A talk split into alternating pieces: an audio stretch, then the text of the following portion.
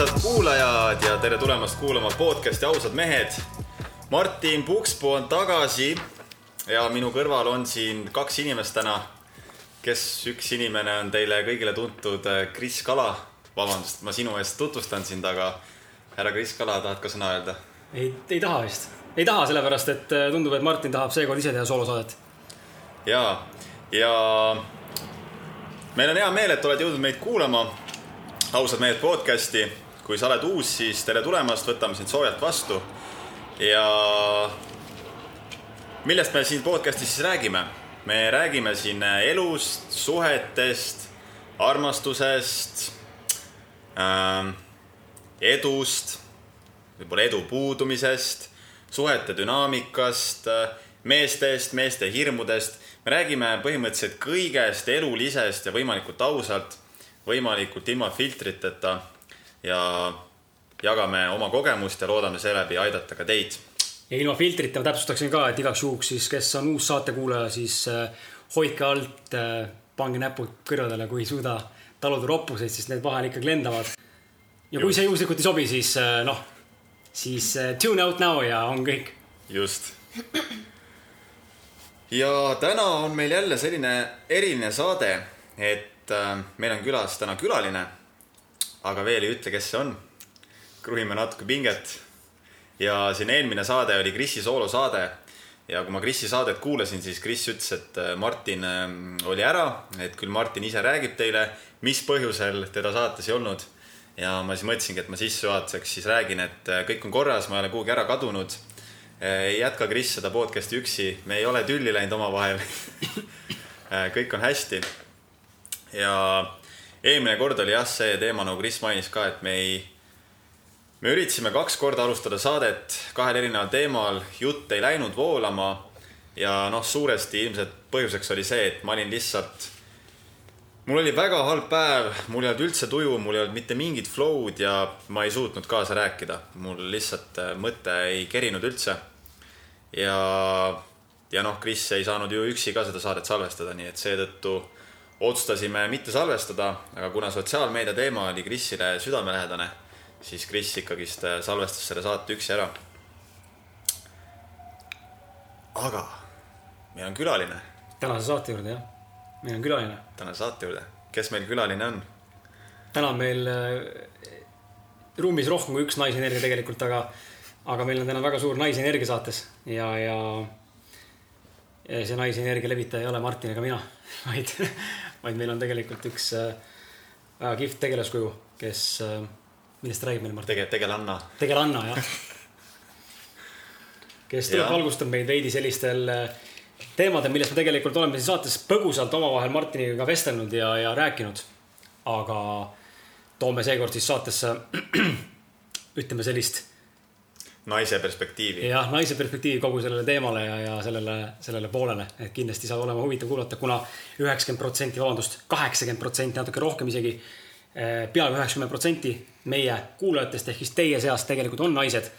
seega see saade on, eh, on lihtsamini võib-olla suhestatav ka või suhestu-, suhestutav, suhestu-, suhestuv täna, tänase saate külalisega. vot nii. aga. aga tere, Kätlin tere! klassikaliselt, äh, klassikaliselt on meie saates niimoodi, et äh, jube hea on öelda klassikaliselt, sest tegelikult see on meie teine saade külalisega, aga lähtudes eelmisest äh, saatest külalisega, siis esimene, ma arvan, et sellest saab võib-olla meie klassikaline küsimus. Kätlin, räägi meile lühidalt ja selliselt, ütleme siis kokkuvõtvalt rohkem kui viie lausega. mis on sinu lugu? ehk siis see, kuhu sa oled täna jõudnud, millise realisatsioonini sa oled täna jõudnud, kes sa täna oled kust sai alguse sinu lugu, ehk siis äh, ütleme siis selline, kuna meid huvitab see vaimsem ja mitte ainult vaimsem, aga just see, see nihe, mis toimub persoonis, kui inimesel midagi elus muutub, et äh, ka meie Martiniga oleme läbi kogenud seda asja ja samuti ka palju kuulajad, et milline on sinu nihe ja kust see alguse sai, miks? kui ma nüüd mõtlen tagasi, et kust, kust sai alguse kõik see selline rohkem selline sügavam endasse vaatamine, siis kõik, kõige siuksem olulisem muutus toimus minu jaoks ähm, aasta, aastal kaks tuhat kaksteist, kui ma, kui ma elasin mõned kuud Itaalias. ja, ja seal ma elasin, mu ümber olid, oli palju selliseid väga, väga elurõõmsaid, väga elusaid inimesi, kes, kes tegelikult äh, elasid väga lihtsalt aga nad tegid seda, mis nad päriselt armastavad. ja, ja kuna ma nendega niimoodi koos olin ja nendega seda ühist, ühist olemist jagasin, siis mulle väga palju hakkas nagu endale külge sellist, sellisest teistsugusest nii-öelda maailmanägemusest. märkasin, kuidas, kuidas nad, nad olid vabad, nad tegid seda, mis nad armastavad ja see oligi see nii-öelda, et seal jõudis mulle päriselt see kohale, et kui ma tulin tagasi äh, Eestisse, siis ma hakkasin aina rohkem vaatama ka selles suunas, mis mulle endale sügaval tasandil on kõige olulisem ja kuidas ma saaks leida viise, et just sellega tegeleda äh,. väga huvitav, et sa seda mainid, sellepärast et äh, täpsustaks võib-olla kuulaja jaoks ka, mis on sinu perspektiiv lihtsast elamisest ja lihtsast olemisest, kuidas sina seda nagu nägid äh, nende inimeste pealt, et äh, ka mina olen nende jaoks väga lihtsa elustiiliga inimene ja ma arvan, et ka Martin tegelikult on väga lihtsakoeline ja väga lihtsa elustiiliga inimene, et kas sa mõtled, äh, kas võib tõmmata paralleelsuse minimalistlikkuse peale? nii, nii materiaalselt kui ka nagu selles mõttes mm -hmm.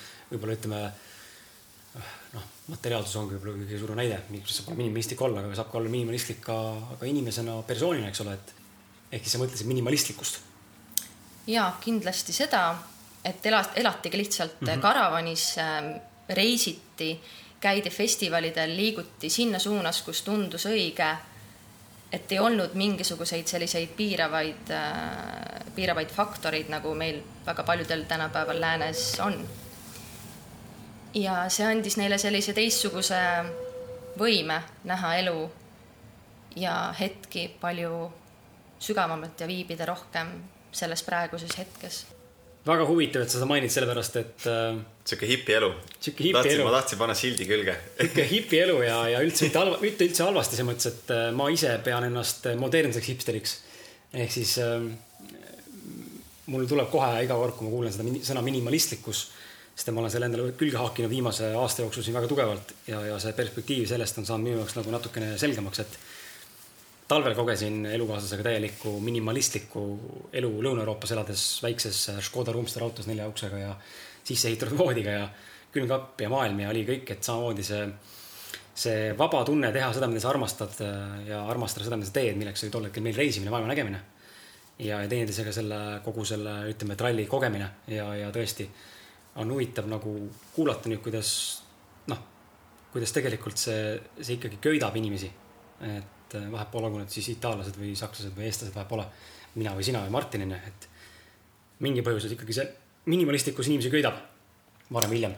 jah, ise ma, ise ma küll karavanis ei elanud, et ise ma elasin siiski korteris. aga lihtsalt juba nende inimestega maailma nagu jagamine, mõtete jagamine, see andis juba sellise päris tugeva mõju.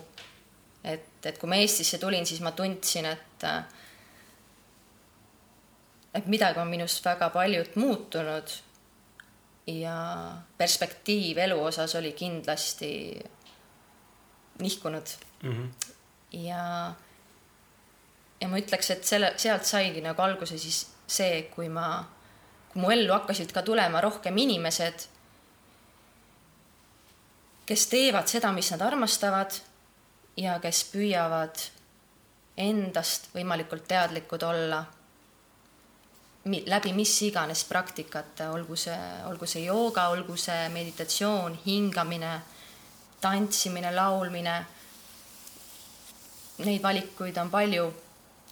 ja, ja siis hakkas jääma kõrvale kõik niisugune, mis on rohkem, esindab minu jaoks vähemasti sellist. Äh, tühikargamist minu sõna võib-olla selline äh,. nojah, kõik, et, et enam ei olnud soovi või noh, ma hakkasin teistmoodi tajuma, kuidas alkohol mulle mõjub, ma olin mm -hmm. muutunud tegelikult ka tundlikumaks huvitaval mm -hmm. kombel. parem kontakt omaga Par. jaa, et see, et seesama kogemus nagu andis seda. ja mul ei olnud, ma pigem tundsin ennast isegi halvemini, kui ma, kui ma olin alkoholi joonud ja ma ei saanud enam aru, et mul seda kuidagiviisi vaja oleks. et mul oli lihtne lõõgastuda ja lihtsalt endaga ja sõpradega olla täiesti, täiesti siukses mõnusas teadlikus äh, olekus. kas sa arvad, kas, mis sa arvad, kas, kas see ütleme, selline muutus või, või suund muutusele oli tingitud reisimisest või reisil välismaal olles või välismaal olemisest, et kas oleks saanud ka seda teha näiteks ka või oleks saanud seda kogeda ka Eestis näiteks olles? Enda puhul ma arvan, et kindlasti mitte, kuna noh, see keskkond ja inimesed olid täpselt nagu sellised, et ma ei teadnudki, et noh, sellised inimesed kuskil mm -hmm. eksisteerivad, et see oli midagi nii eksootilist esialgu tegelikult. et, et just see, et oledki kaugel Eestist, et mul minu, ma arvan, et mu juba noh, niisugused suured muutused tihti saavad alguse just sellest, et sa tõstad ikkagi ennast täiesti välja sellest äh, tava, tavakeskkonnast ja kohtud täiesti inimestega, kellel on täiesti erinevad maailmavaated. ja sinu pilt siis ka niimoodi avardub ja laieneb no,. ja sa näed võimalikkusi, uusi võimalikkusi. jah, nõus. see jah, minu meelest ka see enese, kas siis täiesti teistsuguste inimeste sekka viskamine või täiesti teises kohas äh, elamine, see nagu avab, avab päris palju uksi et ma mõtlen ise ka, kui ma näiteks olin, teine kord olin üksi põhimõtteliselt seal Austraalias, seal vihmametsas. Elasin telgis ja tegin omad hädad, tegin, hommikul läksin, sittusin ojja, onju. mis on väga mugav, kusjuures niimoodi sügav, sügavas ossi kükis äh, oma number kahte väljutada. ekskrementeerida. jah, see on tegelikult väga loomulik asend meile, et see sihuke potil istumine tegelikult ei ole üldse kõige parem asend, kuidas seda teha ja noh, jälle ka sihuke tegelikult väga minimalistlik ja lihtne looduslähedane elu, et pesin ennast ka seal äh, siis nagu sihukeses äh, ojabasseinis, et seal sihuke mägioja voolas oli sihuke bassein tehtud. ja seal siis pesin ennast ja et äh, sain ka nagu kontakti selle minimalistliku elustiiliga ja selles mõttes ka mulle, mulle väga meeldis ja see ka nagu näitas mulle, et, et ei ole, ei ole palju vaja. et olla õnnelik. just. aga aga mis, räägi näiteks, mis tunne oli, kui teie tulite Eliisega, tulite esimene aasta Austraaliasse ja maandusite sinna, ka sinna vihmametsa. et telk, oia sittumine, ojas pesemine, mis nagu sihuke esimene. ma ei tea, ma Eliise pärast kartsin natuke rohkem võib-olla, sest et ikkagi tütarlapsi, me olime seal ju kolm-neli, kolm meest, sina, mina, neli meest, sina, mina, Oleg ja siis Russell onju mm. -hmm. see kohalik bloke, bloke onju et ja, aga. jabi, jabi. aga, aga see jah, see vette, vette sittumine, see, see nagu oli üks osa sellest, aga, aga ma olen alati olnud selles mõttes äh, sihuke loodus, looduslähedasem ja otsinud alati sellist, ka otsinud alati sellist, äh, nagu Kätling ütles, sellist äh, sügavamat nagu kontakti nagu iseenda ja loodusega ja see kuidagi on nagu naturaalselt tulnud, see ei ole olnud mingi asi, mis ma hakkan pressima kuskilt. ma tegelikult ei olnudki nagu looduses seal, vaid ma olin ikkagi suurlinnas. aga noh inimesed mm -hmm. lihtsalt olid sellised ümber. jah, täpselt, et see ongi see, et ma ei, ma ei arva, et, et äh, nüüd alati peab äh, mingi muutus sinus toimuma alati looduses, et, äh, et see oligi, see oli ikkagi lihtsalt täiesti uudne teistmoodi keskkond mm. -hmm. teistmoodi inimesed, kes mõtlevad teistmoodi, kes julgevad teha teisi asju, kes rõõmustavad rohkem, kes ei vaja alkoholi, kes naudivad väga lihtsaid hetki ja, ja, ja see oli lihtsalt selline, selline kogemus, kuigi mul endal on samuti kindlasti teine ka kogemus, mis ma tooksin välja, oli, oli siis, kui see oli vist aastal kaks tuhat neliteist, kui ma osalesin, vot see oli, noh, see on küll nüüd selline rohkem selline hipikogunemine, aga see oli küll väga see oli küll minu jaoks loodusega ühendumine et see oli, see oli Rainbow, mis toimus Leedus ja metsade vahel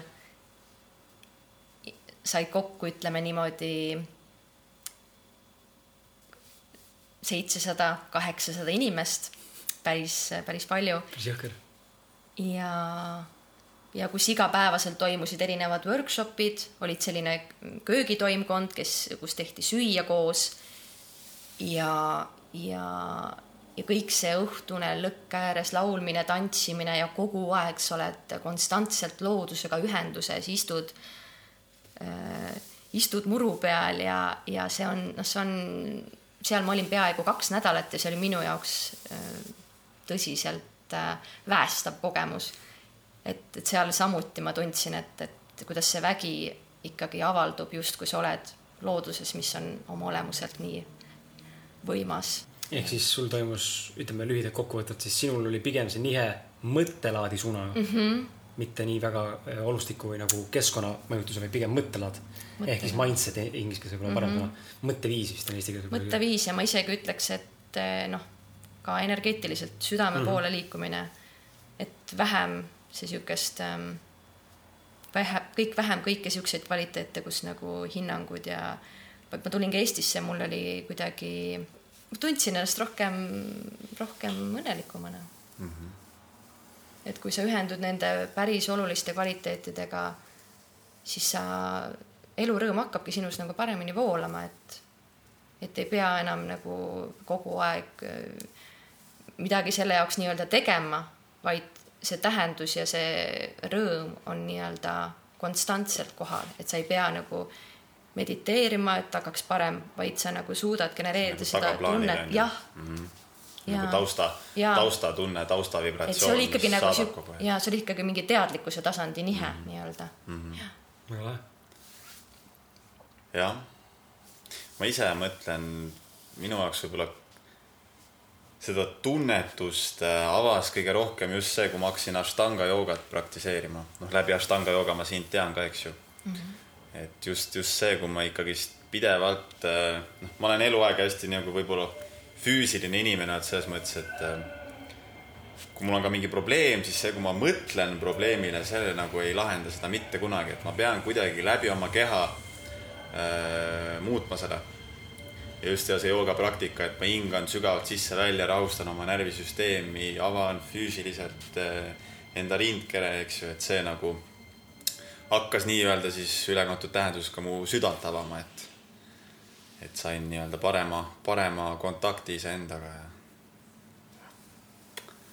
okei okay,, aga lähme edasi või lähme suhete juurde suhete juurde, sest et. tahaks täna suhetest rääkida. saade on nagu ausad mehed ja, ja ega siin ausalt tuleb rääkida, meil tegelikult see suhteteema on olnud. miks ma seda siin saate alguses ka mainisin, et me oleme sel, selles saates, tänases saates tuleb juttu siis teemadel, millest me tegelikult Martiniga oleme põgusalt ka omavahel äh, vestelnud.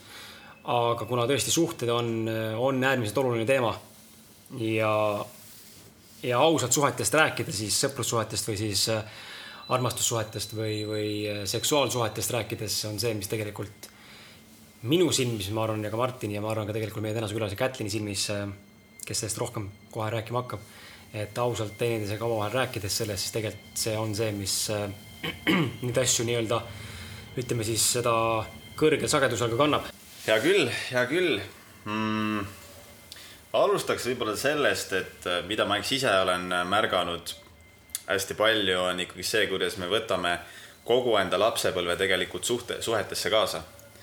et äh, kui lapsepõlv on olnud õnnelik ja tore ja terve ja vanemad on nii-öelda vanemate suhte eksemplar ees on olnud sihuke tervislik ja, ja samal ajal vanemad on, ütleme, lastesse süstinud niisugust elurõõmu ja eneseusku ja eneseväärtustamist, siis tõenäoliselt ka meie suhted on üsna ilusad ja toredad ja komplikatsioonideta. aga noh, minu lapsepõlv ei ole selline olnud, nagu te teate, kuulajad ja, ja eks meil kõigil on vist olnud omad, oma, omad teemad siin ja, ja just nüüd, eks suhetes on kõige rohkem, kõige nagu valusamalt välja tulnud need äh, need nõrgad kohad ja need teemonid enda sees, et äkki, Kätlin, mis sa arvad, kui, kui palju ja kuidas mõjutab lapsepõlve meie suhteid ja, ja võib-olla eriti siis just naise, naise perspektiivist, et mm? -hmm. no ilmtingimata, absoluutselt. Need lapsepõlve suhted mõjutavad, mõjutavad väga palju.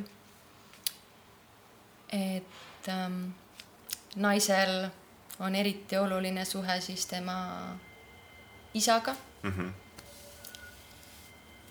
et isaga, isaga suhestudes kõik areneb selline, kui see on lähedane suhe emotsionaalselt, füüsiliselt, siis areneb selline vaba, voolav ähm,, selline julge viis väljendada ennast ka täiskasvanuna lihtsalt meestele mm -hmm.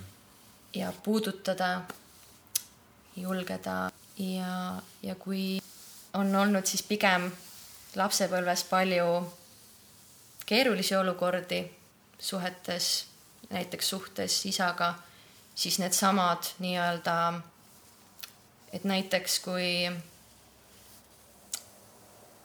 isa on äh, olnud näiteks ähm, palju eemal mm -hmm. ja et näiteks minul, minul endal on kõige olulisem õppetund, ma tunnen, seotud meestega just see, et, ähm, et hirm meeste viha ees mm. -hmm.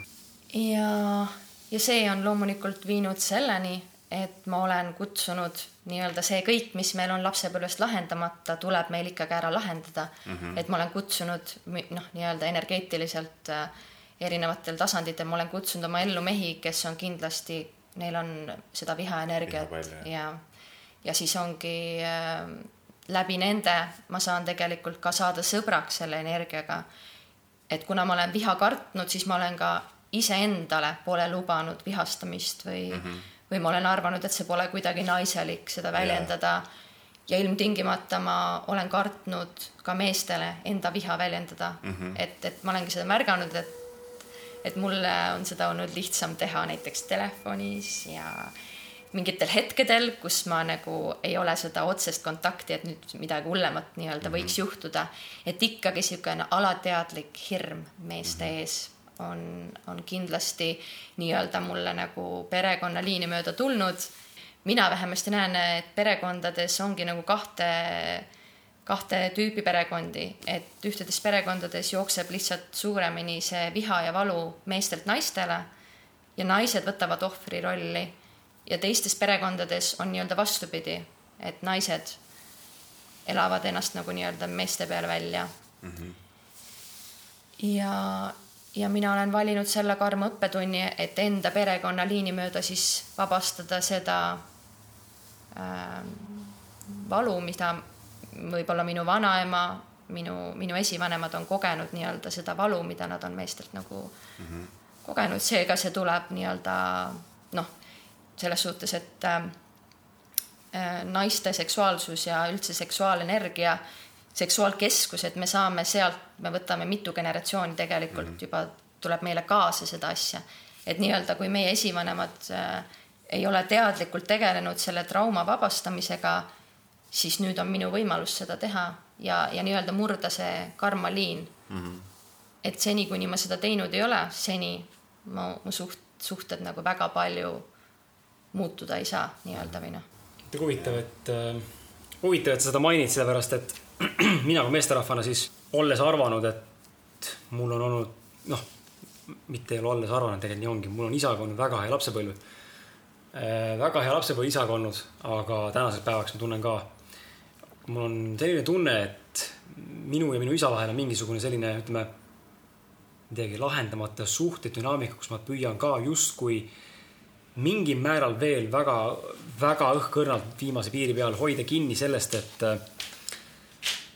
Äh, sellest mõttest, et mida arvab minu isa minust umbes või, või kuidas ma peaksin käituma. ja kas ma peaksin käituma teisiti selleks, et ta oleks nagu minuga rohkem rahul või, või õnnelikum sellega minu, minu pojaga. Ja, ja huvitav on see, et iga aastaga läheb mul see nagu kergemaks, tunnen, kuidas ma lasen lahku lahtisest rohkem ja ma hakkan aru saama sellest, et noh, siin ei saa. esiteks ma näen, et võib-olla ma olen kangekaelne selle koha pealt, aga elu lihtsalt piisavalt õpetanud mind selle koha pealt, et ma näen, et tihtipeale on niimoodi, et äh, kui ei ole mõtet, ütleme niimoodi siis sinna panustada Eh, kellegi teise muutmisesse. ma ei saa muuta enda isa, ma saan muuta ainult iseennast. aga nüüd mul on küsimus selles, kas ma pean iseennast muutma selleks, et enda isa rohkem meele järgi olla. Ma elan, ma usun seda, me ikkagi elame iseendale ja, ja ma arvan, et äh, oluline on aktsepteerida inimeste erinevusi ja inimeste tõekspidamisi ja paradigmasid, kaasa arvatud ka seda, kui see on sinu enda poeg või sinu enda lihaisa või õde või vend on ju, ema. et, äh, ja ma lihtsalt näen, ma näen siin tugevat seost endaga selle koha pealt just, et mul on ka tihtipeale mõtted, et äkki ma peaksin kuidagi paremini käituma või oleks pidanud nii tegema, et siis ma nagu oleksin ise silmis parem inimene, et aga, aga samal ma näen, et see kõik on nagu väga pointless. Et ma ei tea, kui palju sina seda nagu enda puhul näed või, või kui palju Martin enda puhul näeb seda, et tegelikult nagu mina julgen öelda, et see on nagu mõttetu. on pingutada äh, kellegi teise nagu jaoks, mis kõlab nagu valesti, loomulikult tulebki asju teha teiste inimeste heaks ka ja jaoks aga nagu antud kontekstis rääkides nagu pingutada kellegi teise jaoks, e-, muuta ennast selliseks, kes ma tegelikult võib-olla ei oleks mingil hetkel. et tema arvaks must paremini ja aktsepteeriks mind rohkem, see tundub mulle nagu imelik, väär. nagu see ei ole õige, siis ma, siis ma ei ole mina ise enam mm. -hmm. ja, ja, ja isegi kui see parandaks suhteid äärmiselt, ütleme kardinaalselt, siis ma olen ikkagi enda arvamusel, et see nagu on mõttetu. et, et mis, mis on teie nagu mõtted selle koha pealt? vot minu jaoks on kindlasti kõige olulisem seesama aktsepteerimine ja samuti ka andestamine, et äh, meie vanemad ilmselgelt soovisid, on meil alati soovinud parimat ja on teinud seda, mis nad konkreetsel hetkel nagu on kõige rohkem nii-öelda suutelised tegema mm, -hmm. nad on andnud ennast parima ja vastavalt enda, vastavalt arengu... enda arengule, enda teadlikkusele ja, ja meie noh, selles samuti meil on see võimalik äh, kasvada ja läbi selle isegi valukogemuse me saame noh, kui ma vaatan kasvõi enda tutvusringkonnas inimesi, kes on väga sügavuti, sügava nagu, sügavalt jõudnud iseendani ja armastuse tundeni ja avatud südameni. see ei ole olnud hästi lihtne tee, et nad on kogenud palju, palju kannatust ja valu. Ja ma tunnen, et, et ne, iga kord, kui me läheme niisugusest valukogemusest läbi, siis me avame oma südant ja, ja tegelikult äh, andestus on see, mis, mis meid tohutult vabastab mm -hmm. kõiksugustest energeetilistest sidemetest. et me saame andestada endale, et me saime haiget, me saame andestada oma isale või emale.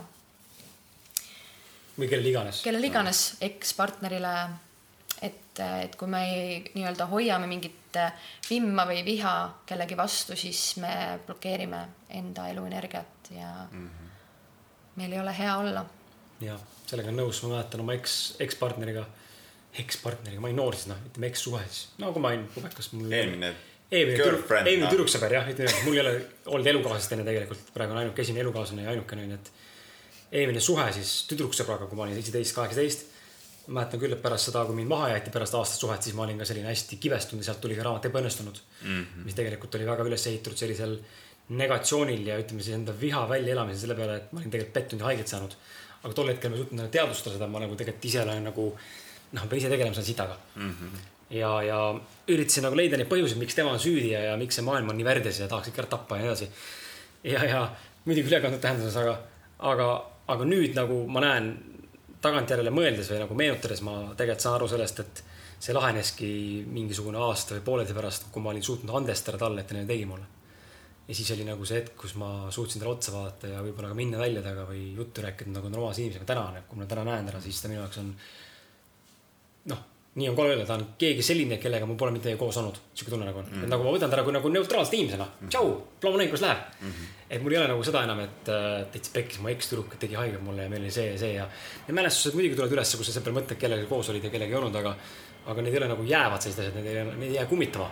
lahtilaskmine on hästi tugev olnud ja just sõna andestamine on see, mis praegu mul, mul selle kliki käis peas läbi panema, et, et ma olen äh, seda ka oma elus kogenud. Ja mitte ainult tema puhul, vaid üleüldse nagu päris paljude inimeste puhul andestanud, et Endale ka muidugi loomulikult, aga, aga jah, et huvitav, et sa mainid seda. jah, huvitav teema, see andestamise teema.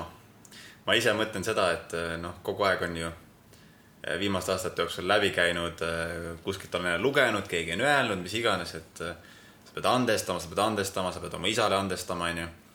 aga ma ütlen ausalt, ega ma ei ole suutnud siiani oma isale andestada.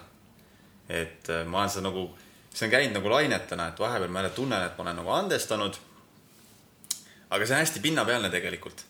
et nii, kui ma näiteks jälle temaga olen suhelnud ja ta on käitunud jälle täpselt nii, nagu mulle üldse ei meeldi, onju, mida ma vihkan, siis kohe ma tunnen, kuidas kõik ihukarvad on need turri püsti ja nagu kõik need vanad tunded on tagasi, et see on, see on nii sügav teema tegelikult, nüüd ma olen aru saanud ja ma selles mõttes ei, ei peta enam ennast sellega, et ma nüüd oleksin andestanud oma isale, et ma tean, et seal on tohutut viha ja, ja valu. ja noh, ma usun, et ühel päeval ma suudan selle, selle ilusti ka andestada ja aga hetkel, hetkel ma ütleks küll, et ma olen nagu sellisel teekonnal, kus nagu lõpuks ometi ma saan veits hingata, lõpuks ometi ma saan nagu kontakti oma, oma reaalsete soovide ja vajadustega. ja, ja, ja käin nii-öelda oma rada, et näiteks minu meelest, kui me tuleme, noh, sa, Kris, rääkisid ka, onju, oma sellest isa teemast, kuidas nagu see ei ole lahendus, et teha kõike nii, nagu ütleme, vanemad tahavad või isa tahab. ma tunnen ka, et et varasemalt mul oli väga raske võib-olla jääda püsima ja jääda kindlaks nagu mingile enda sisetundele.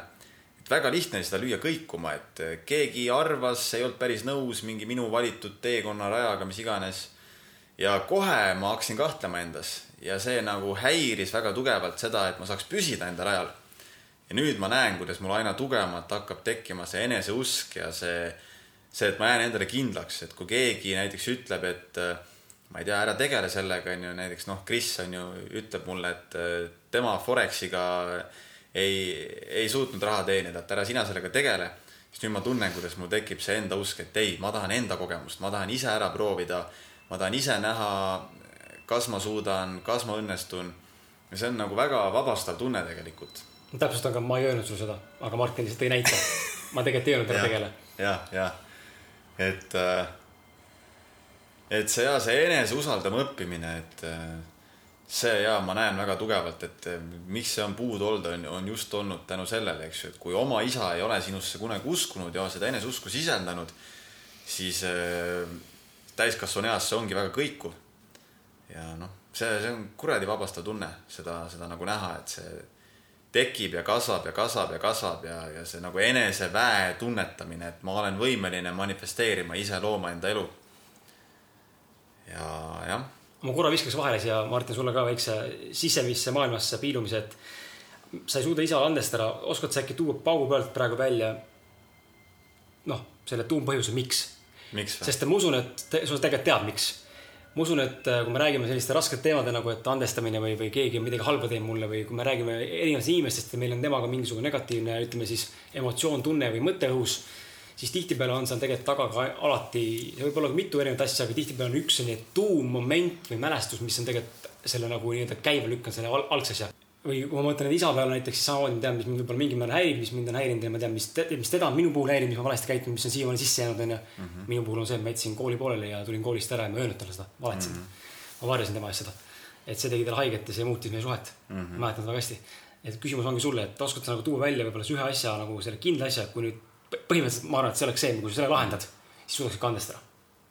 no ei oska, sest mul ongi sihuke tunne, et neid sündmusi on läbi elu olnud ja läbi lapsepõlve nii palju, nii palju üksteise otsa kogunenud, et see on pigem sihuke, see on nagu sihuke sasipundar erinevatest solvumistest kõik, mis on nagu puudu jäänud, mis peaks olema siis sihukeses terves isa-poja suhtes on ju, et see on nagu kõik see solvumine ja tõenäoliselt, miks see nagu miks ma tunnen ka seda, et see nagu lainetab, et vahepeal ma jälle tunnen.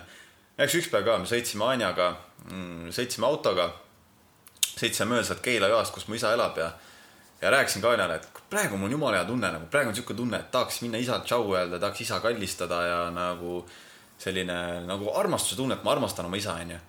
aga ma tean, miks see nagu, miks nii raske on seda lõplikult teha, on see, et iga kord, kui ma temaga suhtlen, siis ma näen, et ta ei ole muutunud et ta, ta ikka veel on nagu täpselt samas kohas. kinni enda. ja, ja, ja, ja ikka veel nagu üritab, ma ei tea, kontrollida mu elu ja üritab mulle mingil viisil näidata, et ma võib-olla ei käitu päris õigesti ja ma ei ole päris õigeid valikuid teinud. ja see ajab mind alati sita nii keema see toob nagu kõik selle vana ülesse.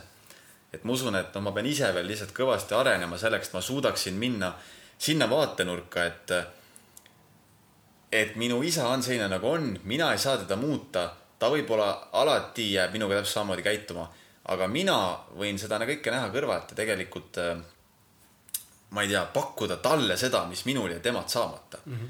see on nagu, see on nagu väga suur ja samm, ma arvan, aga noh, ma olen kindel, et ühel hetkel ma seda teha suudan, aga hetkel ma tunnen lihtsalt kõik mu elu, e-, eluenergia läheb nagu selle uue avastamisse, et vau wow,, et minus on nii palju power'it ja väge tegelikult sees, mida ma ei ole kasutanud ja nagu selle nii-öelda e-, explore imisse. Kätlin, mis on sinu mõtted sel teemal?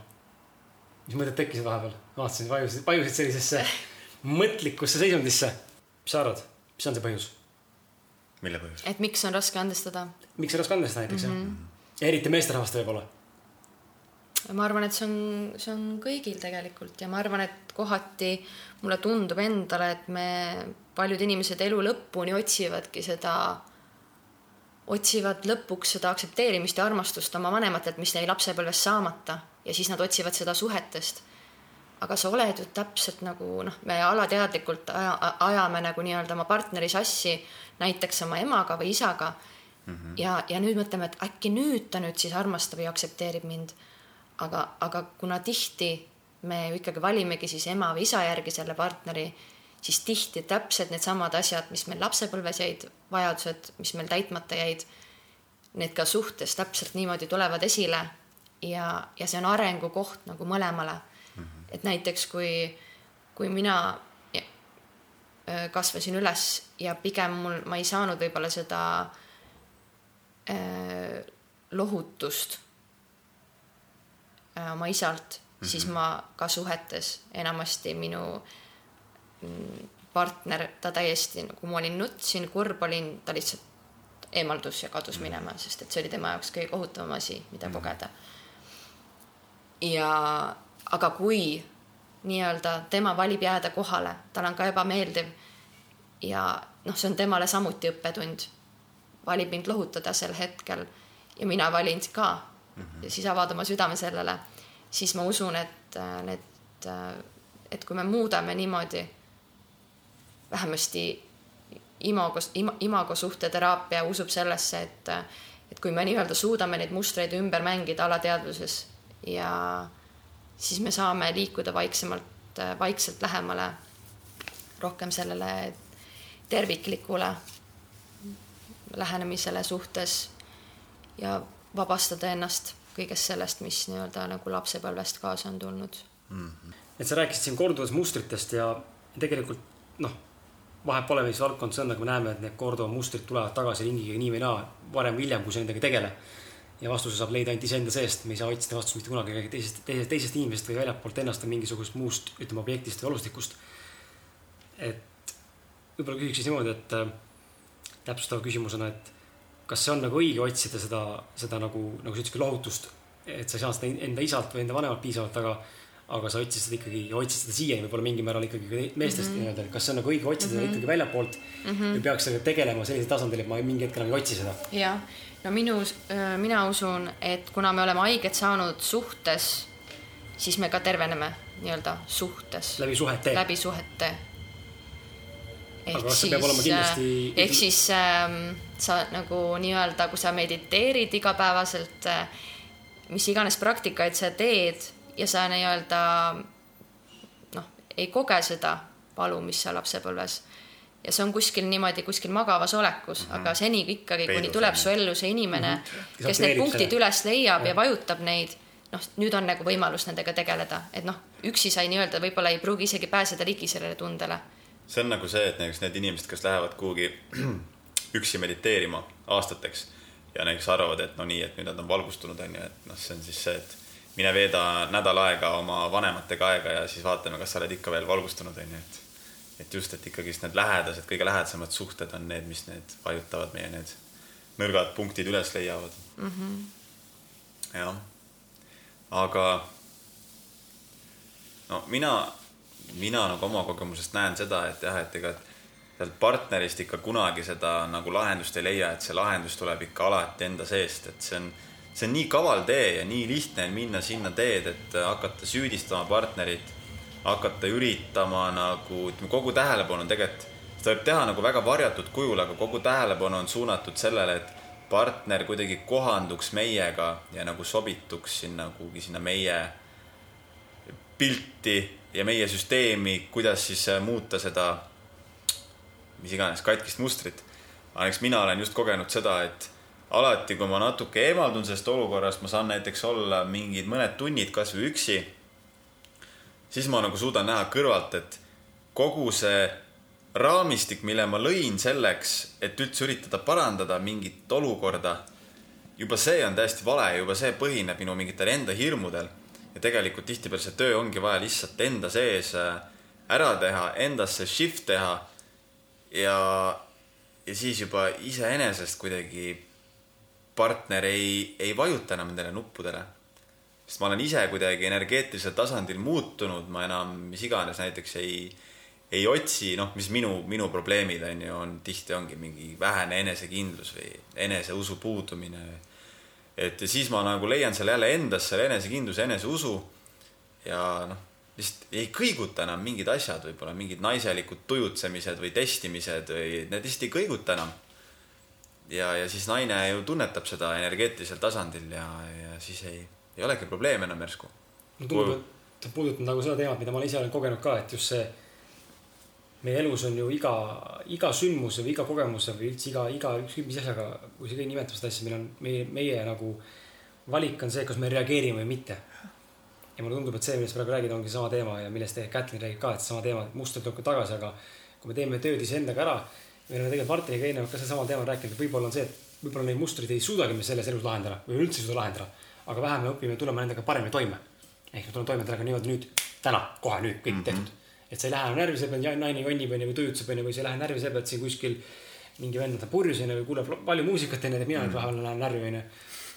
naaber kuulab Eesti Naaber läbu, kuulab- läbumuusikat. jah, siis lähen närvi onju, aga no ma ei lähe ka niimoodi närvi, tegelikult ma nagu päris närvi ei lähe, aga nagu lihtsalt, lihtsalt häirib onju, aga ongi see, et võib-olla peaks, me õpime lihtsalt nendega paremini toime tulema, me õpime vähem reageerima nendele asjadele mm.. no nii, kus me lähme edasi? ma tahaks küsida seda tegelikult, et me oleme siin rääkinud suhetest, aga Kätlin, küsimus sulle, et äh, kui suhetest rääkida, et kas, kui me räägime küpsest suhtest, kas neid kõiki kolme või nagu kõik, ütleme kõiki neid erinevaid suhtevorme, kellega siis need suhtevormid on, kellega iganes sõbra, sõbrannaga, venna, isaga. kas neid, kas nende jaoks on üks nagu reeglistik olemas, kuna need kõik on üks nagu termin suhted või pigem on see, et küps suhe nende tasemel ikkagi manifesteerub kuidagi teistsuguse käitumise või teistsuguse mõistmisega, et ma pean olema küpsem, ma ei tea, variant, küpsuse, küps, küpsuse variant A käib kellele mu partneri kohta, küpsuse variant B käib mu vanemate kohta, pean nagu, kas mu see küpsus nagu peab võrduma erinevate astmetega või see küpsus on kokkuvõte sellega, kui ma oskan olla küps ja saan kõikidega hakkama.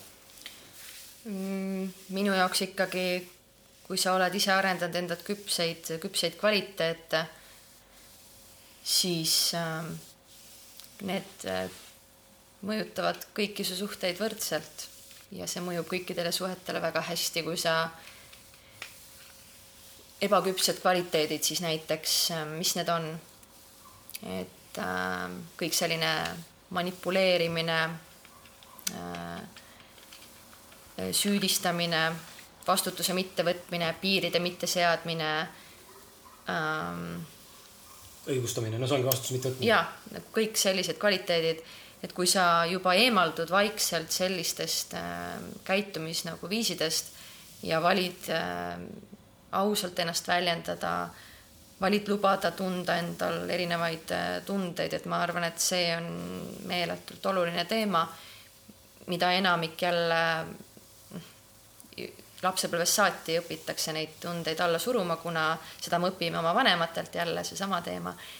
aga kõik see sellised äh, julgeme ennast väljendada, proovime suhelda aina enam südametasandilt ja, ja leppida teistega sellised, nagu nad on, leppida, mõista. et see selline küpsus nii-öelda inimeses endas avaldub kõikides nendes suhetes et niisamuti nagu kõik äh, lahendamata mm, selles suhtes, et meil kõigil on lahendamata, noh, mingi, mingid teemad on seotud naistega, mingid teemad on seotud meestega. ja kui on mingid teemad just, mis on naistega nii-öelda lahendamata, siis need avalduvad ka nagu kõikide naistega, et olgu need sõbrannad, olgu töökaaslased, olgu äh, ema, olgu õde, noh, selles suhtes, et kui mingil tasandil mingid äh, sellised äh, mustrid. mustrid on, siis need nii-öelda tegelikult eksisteerivad noh, kõikides meestes, et me selles suhtes ma nagu usungi, et et kui me oleme saanud haiget üh, ühelt mehelt, siis, siis me saame läbi selle teise mehe seda tervendada, noh, selles suhtes, et et, et kui me neid nii asju nii-öelda ära ei tervenda, siis noh, seda, seda raskem on selgelt suhelda üksteisega. ja tead, läbi teadlikkuse me saame seda kõike aga oskad sa tuua äkki mõned näited, mis on need äh, ütleme, siuksed üldlevinumad, mida sa äkki näinud oled ise oma, oma elus kogedes, inimestega suheldes, et mis on need äh, naiste ja ütleme siis nagu need mustrid, mis võib-olla võivad tulla naist, nais, naise poolt kaasa mehele nii-öelda ja siis vastupidiselt ka naisele mees, meeste poolt nii-öelda kaasa, mis on need nagu käitumismustrid, mis Mhm. siuksed Levinud- üldlevinumad le- sellised. üldlevinud ebaküpsed käitumismustrid võib-olla siis äh, ähm, naistel ongi see samuti oma tahtmise nagu saamine, võib-olla manipuleerimine. meestel selline rohkem äh, domineerimine mm,, soov kuidagiviisi nagu ka nagu mõjutada naist. niisugune võistlushimu, võib-olla kõik siuksed äh, nii-öelda ühiskonnas levinud nagu macho kvaliteedid nii-öelda tegelikult äh, on, on selline ebaküps äh, kvaliteet ja, ja kui, kui suhtes ongi koos inimesed, kes on mõlemad nagu niisuguses ebaküpsel tasandil, siis see tegelikult viib aina rohkem nagu suhet lahku, sest et puudub tegelikult üksteiseni jõudmine, üksteise mõistmine, üksteise toetamine. aga, aga alati on võimalik noh, nii-öelda suhet päästa, et tihti, tihti ongi see, et lihtsalt ebateadlikkuse tasandilt nii paljud suhted lagunevad.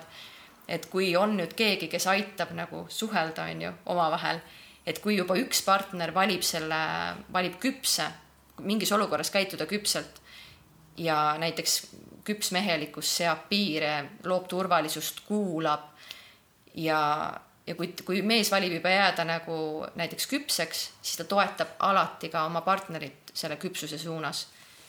et me saame alati, noh, meil on alati valik, kas me mm -hmm. nii-öelda kukume sinna ebateadlikkusse või me jääme teadlikuks ja, ja, ja ei hakka üksteist süüdistama, üksteist kuidagi mõjutama, et saada oma tahtmist, et mm, -hmm. et tihti see, see, seesama ebaküps, küps suhe jookseb sinna, et enamasti tekibki seesama võimuvõitlus mm. -hmm. ei, mina olen, mina tean paremini kui see mm, -hmm. ei, mina tean, on ju. ja kogu aeg seesama üks Sina ring. oled süüdi. ja täpselt, Ei, ja kogu süüdi. aeg, no täpselt ja see on see, mis tegelikult suhet nagu lahku viib, ei, seal ei ole seda suurt äh, sügaval tasandil kuidagi ei saa nagu seda armastust kasvatada. ja, ja see kõik on nii-öelda tegelikult endas kinni ja me saame valida, minna teadlikumale tasandile. ja selle suhte panna jälle paremini toimima, aga jälle, kas me, kas me soovime seda, kas meil on piisav püüdlus selle jaoks mm -hmm. seda muuta kõik on nagu loogiline, mis sa räägid, lihtsalt tunnen, et tahaks jubedalt suhestuda, aga hästi raske on nagu suhestuda, sest et sellepärast, et oled nii küps. ei, mitte seda, ma mõtlen just selle koha pealt, et äh, ma ei kasutaks sõna küps, aga kasutaks just seda, just sedasama nagu seda võrdusmärgi taga olevat asja, et meil viimase viie, mul, ma olen nüüd viis aastat koos olnud elukaaslasega, natuke rohkem isegi ja vist ei ole ühtegi tüli olnud. ma ei tea, mis siis on, ma ei tea, mis, ma ei tea, mis see tüli selles suhtes on, sest et ja kui ma mõtlen selle peale, kui ma olin noorem, eelmine suhe siis tüdruksõbraga, eks ole, kui noorem olin pubekas, siis noh, seal oli ikka pidevalt mingit sitta, kogu aeg mingi jama mm. -hmm. tema poolt, minu poolt mingid solvumised, mõttetud üksteise ärapanekud, nähvamised, mölisemised äh, no, täiesti sihuke lapsik. ja kui ma nüüd seda nagu täna nagu olen nagu vanem, siis mm. -hmm. selles võibki siis peegelduda seesama teadlik äh, küps äh, suhtlemine. aga samas ma tean ka nagu inimesi või paare üldse, kes, kes võib-olla liigselt kardavad seda mm, tülitsemist või üldse sellist konflikti olukorda, et see pole ka hea, kui inimesed äh, kardavad konflikte, sest siis võib juhtuda see, et äh, konflikti ennetamiseks emb-kumb surub enda vajaduse, enda soovi tegelikult äh, alla. ja, ja tegelikult on see, et kui on uuritud siukseid ka nagu inimesi, noh, paare, kes siis nii-öelda lahku lähevad, et et see pole ka hea, kui suhtes puuduvad täielikult konfliktiolukorrad, see, see võib samuti suhet lahku viia. sest et seal, seal võib tihti olla see, et üks partner pidevalt teeb end, enda heaolu pealt neid kompromisse või mm. -hmm.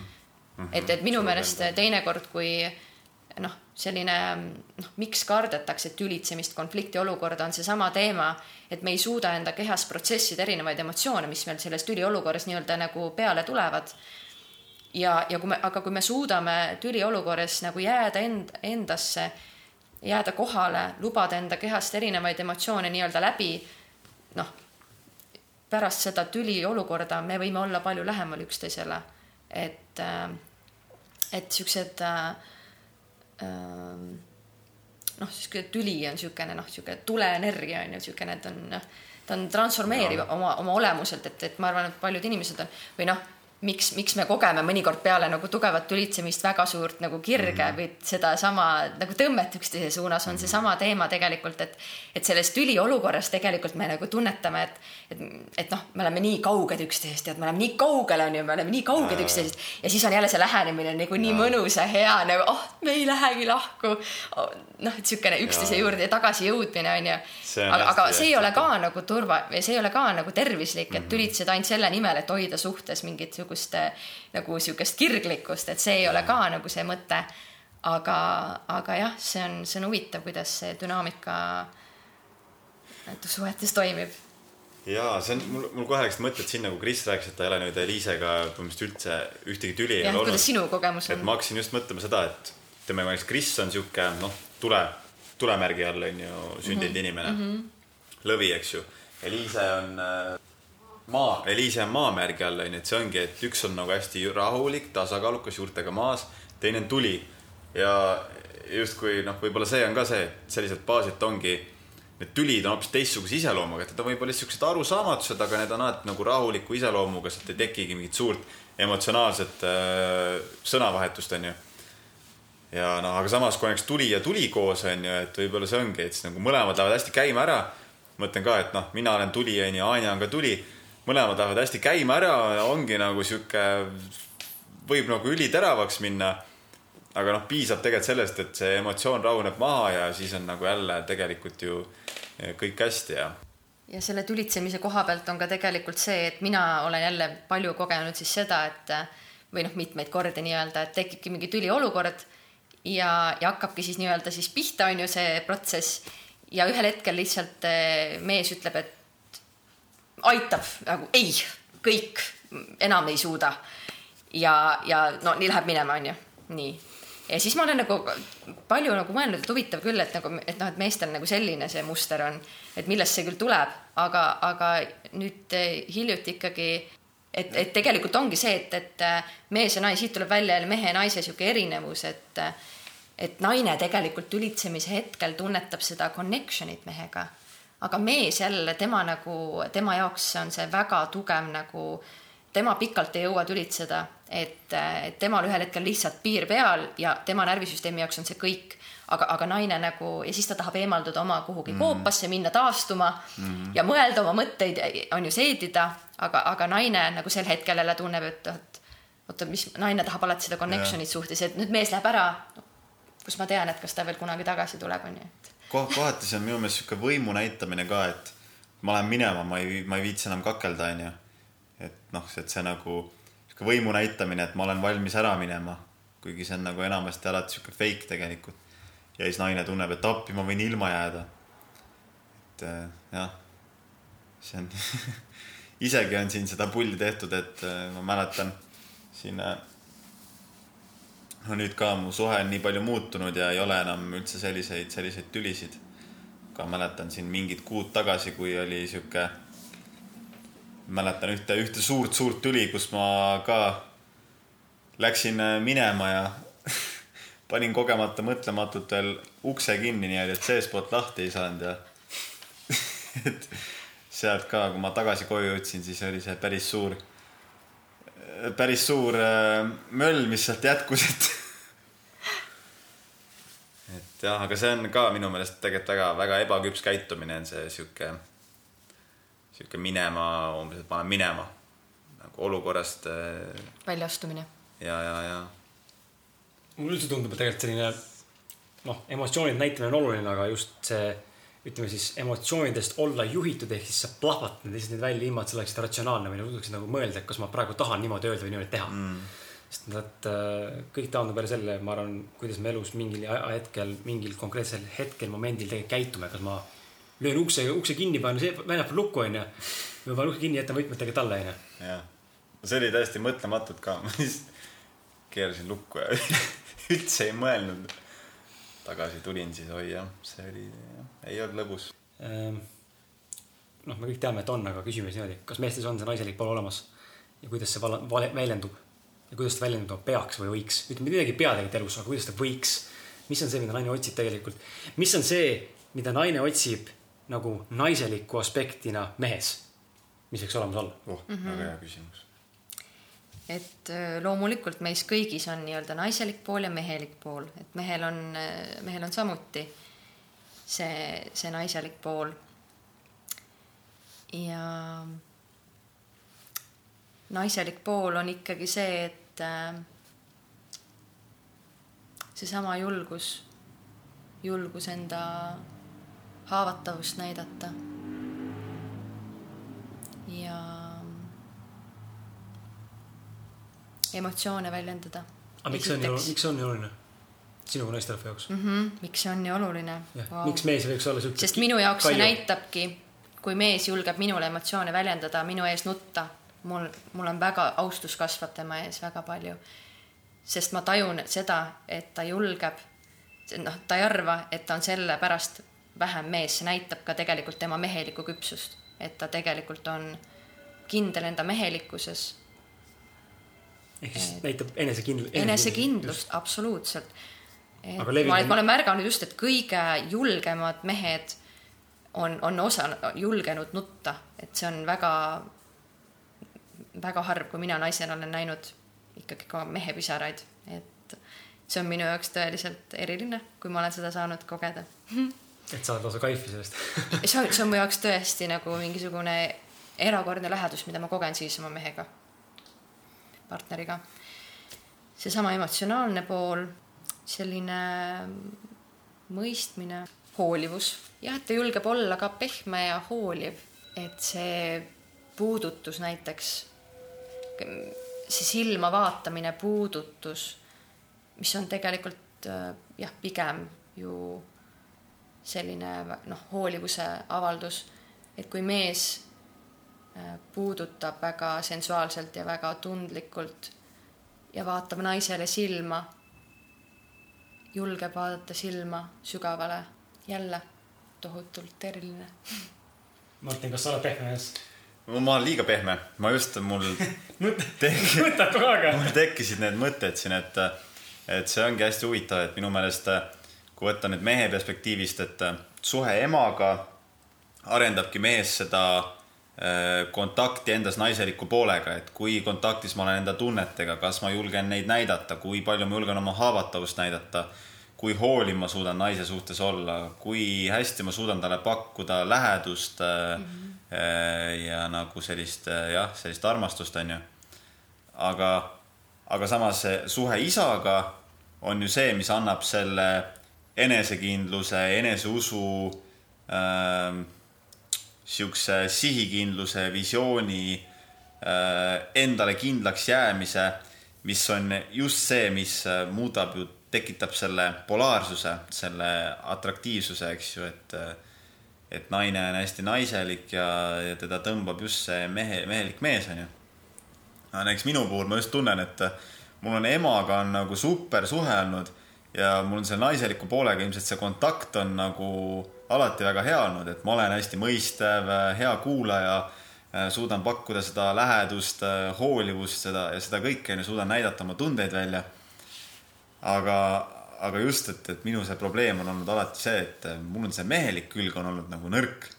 ma olen alati mõelnud, vaata sinuga, Kris, ühes podcast'is rääkisime, et, et nii kuradi närvi ajas nagu noorena, et nagu vaatad, et ma olen ju nii normaalne kutt, et miks ma üldse tähelepanu ei saa naistelt või miks, miks kõik kohtlevad mind nagu mingit nunnut koera, koera, koera kutsikat onju. väike tussu olid lihtsalt. no oligi, väike tussu olin lihtsalt ja see, see see põhjus oligi. et, et jah, see on, see on see, see on see nagu, see on, see on tõenäoliselt, see on täiesti arusaadav, miks, kui ma tegelikult ma olengi varem selle perspektiivi peale mõelnud, et miks nagu mehed võib-olla kardavad seda kontakti selle naiseliku poolega, sest et nad näevad neid Äh, minusuguseid tussusid, onju, nagu ma kunagi olin, kes, kes ei saa keppi mitte kunagi, onju, no lähme nüüd hästi ürgsele tasandile mm. -hmm. ja nad näevad, et nagu fuck'i, et miks ma peaks nagu võtma kontakti oma mingi naiseliku poolega. see ei vii mind sinna tussuni. kui ma kogu aeg friendzone onju. ja, ja, ja, ja, aga see ongi tegelikult see, et kui nüüd mehes on need mehelikud küljed äh, korralikult äh, avaldunud ja küpsed, siis see naiseliku külje kontakti saamine teeb selle kõik veel võimsamaks, onju. et äh, jah, ei väga huvitav, ma ei olegi varem nagu selle külje alt seda mõelnud. aga huvitav on ka see tegelikult, et hea küsimus on Kätlinile, mida ma tahan küsida hea meelega, et äh, alati naisterahvast üritan küsida seda. et äh, ikkagi otsitakse seda, seda nii-öelda tussusust ja seda, seda küpse meest ja seda, seda, seda õrnemat poolt ja emotsionaalsemat poolt mehes ja. aga mingi põhjusel tuleb alati see hiljem see mõistmine naistel. Väga vähesed naised on need, kes suudavad puberteedieas otsida tegelikult seda, mida, seda, mida tegelikult otsitakse võib-olla kümne aasta pärast. kui nagu, miks minna valet teed, kui sa nagunii kümne aasta pärast lähed sinna, kus sa tegelikult minema pead loomulikult juba. nagu ütleme siis loomulik evolutsiooni mõttes otsida endale partnerit, kes sind mõistaks. miks sa valid alguses vale teed, miks naised teevad mm -hmm. alguses vale tee? sest nad ise pole ka veel piisavalt küpsed, et valida paremini et me valime alati oma küpsuse astmele tulenevalt. et kui naine ise on küps, ta tõmbab ligi küpseid mehi. kui naine ise pole veel küps, tõmbab ligi ebaküpseid mehi. et kui naine on liigselt kiinduv, liigselt niidi, siukse vajav, siis ta tõmbab loomulikult enda ellu nagu mehi, kes äh, eemalduvad, äh, saadavad segaseid sõnumeid, äh, ka võib-olla manipuleerivad kuidagiviisi ja, ja noh kui ise kasvad jälle küpsemaks ajaga, ikka aastatega me kasvame küpsemaks, siis et selles suhtes ikkagi enamasti on esindatud inimeses äh, noh, sest et automaatselt, kui me liigume nii-öelda, kui naine saab küpsemaks oma naiselikkusest, ka siis ka tema mehelikkus saab küpsemaks, et et ei ole eriti võimalik nii, et ühes inimeses on tohutult küps naiselikkus ja siis tohutult ebaküps mehelikkus. et nad enamasti on ikkagi noh, jälle kooskõlas. ja toetavad teise, teineteist. et me teeme oma valikuid alati täpselt jälle nii teadlikuid, nagu me sel hetkel oleme võimelised tegema. Ja, ja need valikud, mis me teeme, õpetavad meid näiteks äh, noh, mina noh, samuti iga, iga kord, kui ma võib-olla kogen, et kui mees eemaldub ja, ja, ja nii-öelda läheb iseendasse ja läheb äh, jälle kuhugi, äh, kuhugi põgeneb, kuhugi endasse ja endaga olemisse, siis iga kord ma saan valida, et kuidas ma reageerin. et kui ma vanasti pigem mõtlesin, et äh, kogesin, et okei okay,, mina tegin midagi valesti, mina olen midagi süüdi, ma pole piisavalt tore, ma pole piisavalt ilus, mina pole piisav, sellepärast et tema läheb ära. aga, aga ajaga on tel-, tekkinud see mõistmine, et mina ma olen piisav, kui mees läheb ära. et, äh, et see ei ole minust tulenev mm -hmm. alati, see mees ise ei pruugi julgeda minna sügavuti, see mees ei pruugi vaadata, julg-, julgeda vaadata otsa enda mingile valule, enda teemadele. et ei ole võimalik ka nagu see, et et kui üks juba tahab nendes teemades süviti vaadata, siis ei ole võimalik, et tema kõrvale tuleb partner, kes ei nii-öelda ei taha süviti liikuda mm, -hmm. siis ei ole jälle seda sünkroonsust et me peame leidma nagu inimese, kes, kes soovib samuti neid suhteteemasid, neid, neid äh, raskeid kohti nii-öelda nagu lahata. ja julgeda minna sinna sisse. väga huvitav, sest et äh, ma arvan, et sinu antud vastus on, äh, sinu poolt antud vastus sellele küsimusele on siiani üks parimaid, mis ma olen saanud naisterahvaste poolt, sest et ja üldse meesterahvaste poolt ka, me oleme Martiniga sel teemal ka rääkinud, miks on nii, et miks naised teevad sellise valiku just nagu noores eas, sest tihti me näeme, et vanemas eas me teeme neid õigeid valikuid rohkem. aga just selle koha pealt, et ongi alati antud sihuke loll põhjendus, et on need mehed enesekindlamad. mina olin, ma olen terve elu väga enesekindel olnud, aga ka mul on olnud läbi muster Martinil. ma olen pidevalt olnud nagu friendzone ja, ja noh, ma saan aru, miks see nii on ka, eks ole, ma olin ka paras tussi onju, aga. ma ei usu, et sinu puhul on olnud see, et äh, sa oled naistelt vähe tähelepanu saanud, ma arvan, sa ise ei ole tahtnud kedagi lihtsalt. ei, seda ka. ma arvan, sul on olnud alati nagu kõik uksed avatud, sest et sa oled kogu aeg olnud enesekindel. kõik uksed mitte, aga kõik, kõik uksed mitte, aga selles mõttes jaa, ma olen no, väga valivalt selles mõttes kindlasti, selles mõttes sa ei eksi mm. -hmm. et siin, siinkohal ma olen, olen kindlasti selles mõttes võib-olla selle, selle praegu, mis ma näitena tõin, see näitekoha mitte nagu päris võib-olla sada protsenti see näide. aga mu point just oligi see, ma näen ise ka seda, et, et, ähm, et just see, see, et valitakse selle mees, machomees sellepärast, mees, see mees enesekindlam, ta ei pruugi olla. aga nagu Kätlin seletas väga hästi seda, et naine ise ei ole võib-olla ka vastavas arenguastmes veel valmis, mõista tegelikult seda, et see mees ei ole veel see. Ja üks uuring ka, mida ma kunagi nagu, mis üks sõber mulle kunagi saatis, äh, seal oli ka äh, tuli välja see, et naine valib siiski alati, et nii-öelda nüüd äh, nii-öelda selline mees, kes on nagu egoistlikum ja ülbem või kõrval see mees, kes teised võivad talle nagu lihtsasti kuidagi noh, ära teha, on ju, et ta on nagu ebakindel, võib-olla nagu natuke nagu kartlikum, et kumma siis nagu naine nii-öelda valib. Äh, ja võib-olla kolmas tüpaaž oli seal ka, et kolmas oli, et äh, ei olnud nagu otseselt ei, ei liiga nõrk ega, ega egoistlik, aga naine valis just selle ülbe egoistliku nii-öelda selle, selle mehe ja, ja tihti seesama ülbe egoistlik mees tuleneb lapsepõlvest, kus tema oli oma tunded alla surunud. nii et jah, naistel on tihti evolutsiooniliselt juba tõmme nende meeste poole, kes väliselt paistavad, joo, teen kõigile ära, aga sisemiselt äh, võib olla see, et äh, noh, haiget saanud ja endasse tõmbunud. et see on küll, et, et naine, ta ikkagi nagu valib sellest tulenevalt, et äh, noh, kui midagi ikkagi noh, juhtub, et kas mu mees ikkagi nagu suudaks jääda hetkesse, mind kaitsta mm. -hmm ja, ja selline mees vähemasti noh, ta ongi elanud üle midagi rasket lapsepõlves ja sealt välja tulnud ja sealt mingisugune kvaliteet on tal nagu olemas, et. see on ikka see ürgne instinkt on ju, et kas nüüd äh, teised mehed tapavad minu koopamehe ära mm -hmm. ja vägistavad ja, mind ära ja, või ja. siis on ju minu mees tapab need teised koopamehed ära. ja, ja, ja., et turvalisus on juba, juba, juba, juba tohutult ja. oluline kvaliteet üldse naisel et, et tema seksuaalsus üldse saaks avaneda ja kui ta ei tunne ennast mehega turvaliselt, siis ei ole seal, naine ei näe mehes seda potentsiaali, et tema võiks olla tema partner. okei okay. äh,, lähme siis kohe siukse teema juurde. kõige põnevam on tänaseks kõige põnevam teema et Kätlin, räägi, mis on sinu jaoks teadlik seksuaalsus mm? -hmm. mis on teadlik seks mm? -hmm see on huvitav teema, mul on ka mm -hmm. selle mhm. üle igasugused mõtted ja mm. -hmm. et võid ise otsa lahti teha, võin ise otsa lahti teha.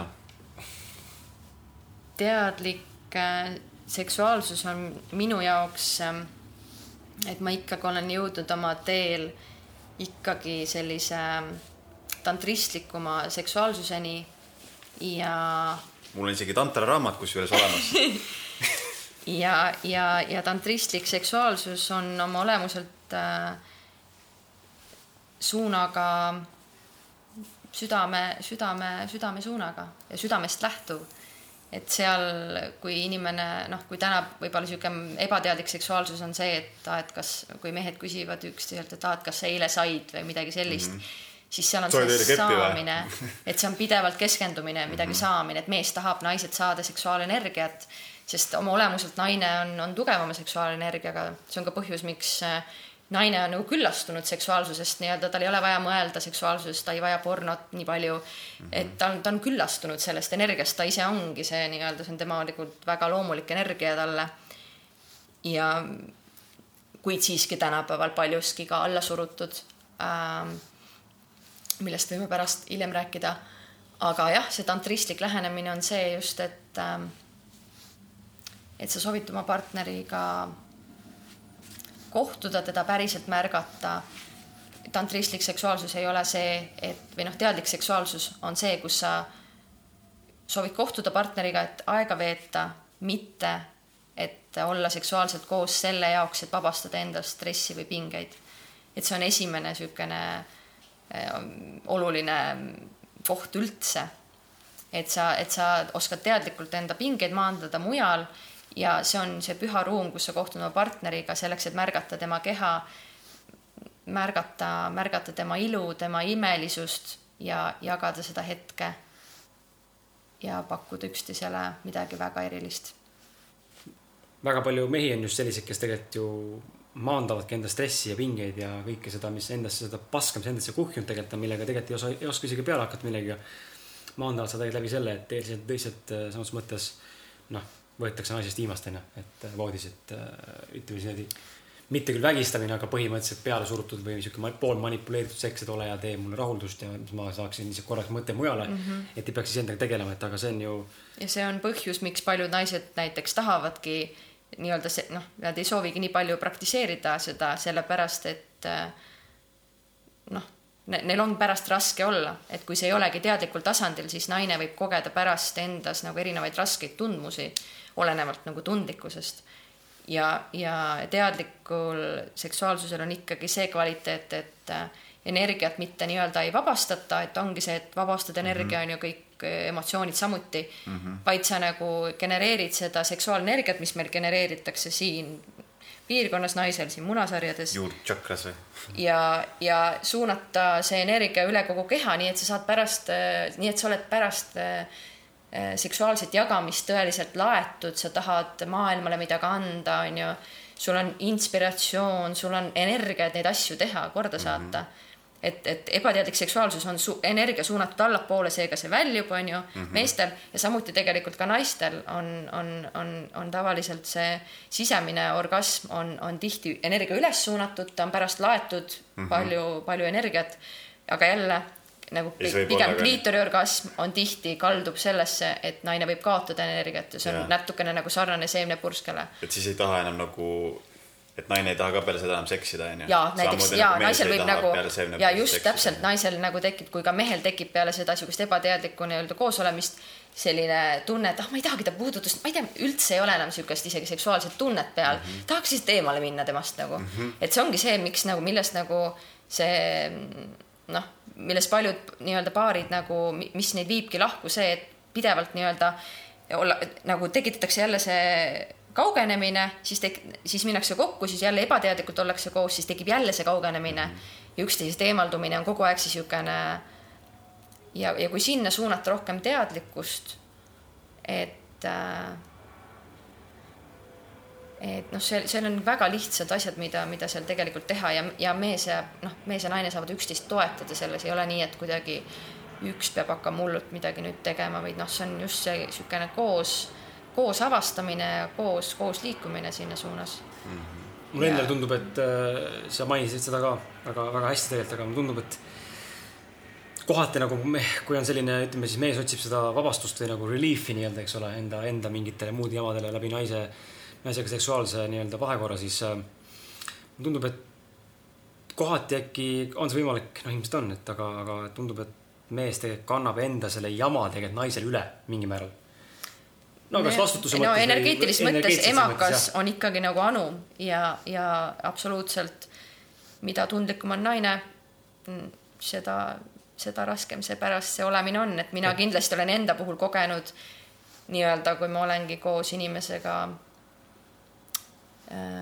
kes ei olegi teadlik enda emotsioonidest ja ma olen kindlasti kogenud seda täiesti langust pärast, et mul on mm -hmm. mõte täiesti kaoses, mul on niisugune sisemine kaos nii-öelda, et pigem see ebateadlik seksuaalsus äh, soosib seda sisemist kaost, aga tantristlik või niisugune teadlik lähenemine on see, kus sa, sul on pärast suurem selgus oma elu osas, sa mm -hmm. vaatad, värvid on kirkad, noh, sest naine, noh siit, siit nagu tulebki sisse seesama nagu tegelikult see äh, noh, miks, miks on naistele üldse ka nagu keeruline jõuda näiteks äh, äh, sisemiste sügavate orgasmideni, ongi see, et äh, et samuti on sellist äh, siin piirkonnas, et noh, noh, naiste ja meeste seksuaalpiirkonnad on, on olemuselt täiesti erinevad. Ja naise äh, ta on jooni, vagiina on, on, on tegelikult need lihased seal on minevikku salvestavad, seal on nagu traumat on nendes lihastes nagu sal-, salvestunud jälle, tulnud võib-olla niimoodi generatsiooni mööda. ja, ja selle väljendus või noh, kuidas see nagu avaldub, on see, et näiteks naine ei suuda orgasmi, orgasmi kogeda, tal on võib-olla valus seksida, ta ei tunne võib-olla mitte midagi. tuimus, kõik see on, on seotud sellega ja, ja nii-öelda sellest piirkonna, selle piirkonnaga väga süvitsi tegelemine äh, aitab naisel tegelikult saada ühendus tagasi oma eluenergiaga, sellega, mis ta päriselt elus teha soovib. et see on noh, see on loov, meie loome, loomekeskus, et mm, -hmm. et ja, ja samuti, kui noh, sinna orgasm, noh, orgasm on ka tegelikult naise jaoks niisugune transiseisund.